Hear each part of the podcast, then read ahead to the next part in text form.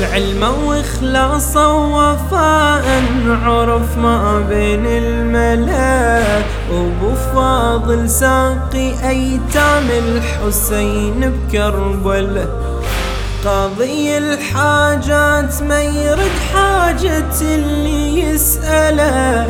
شلون لكن ما يسكنه بقربته ما وصله.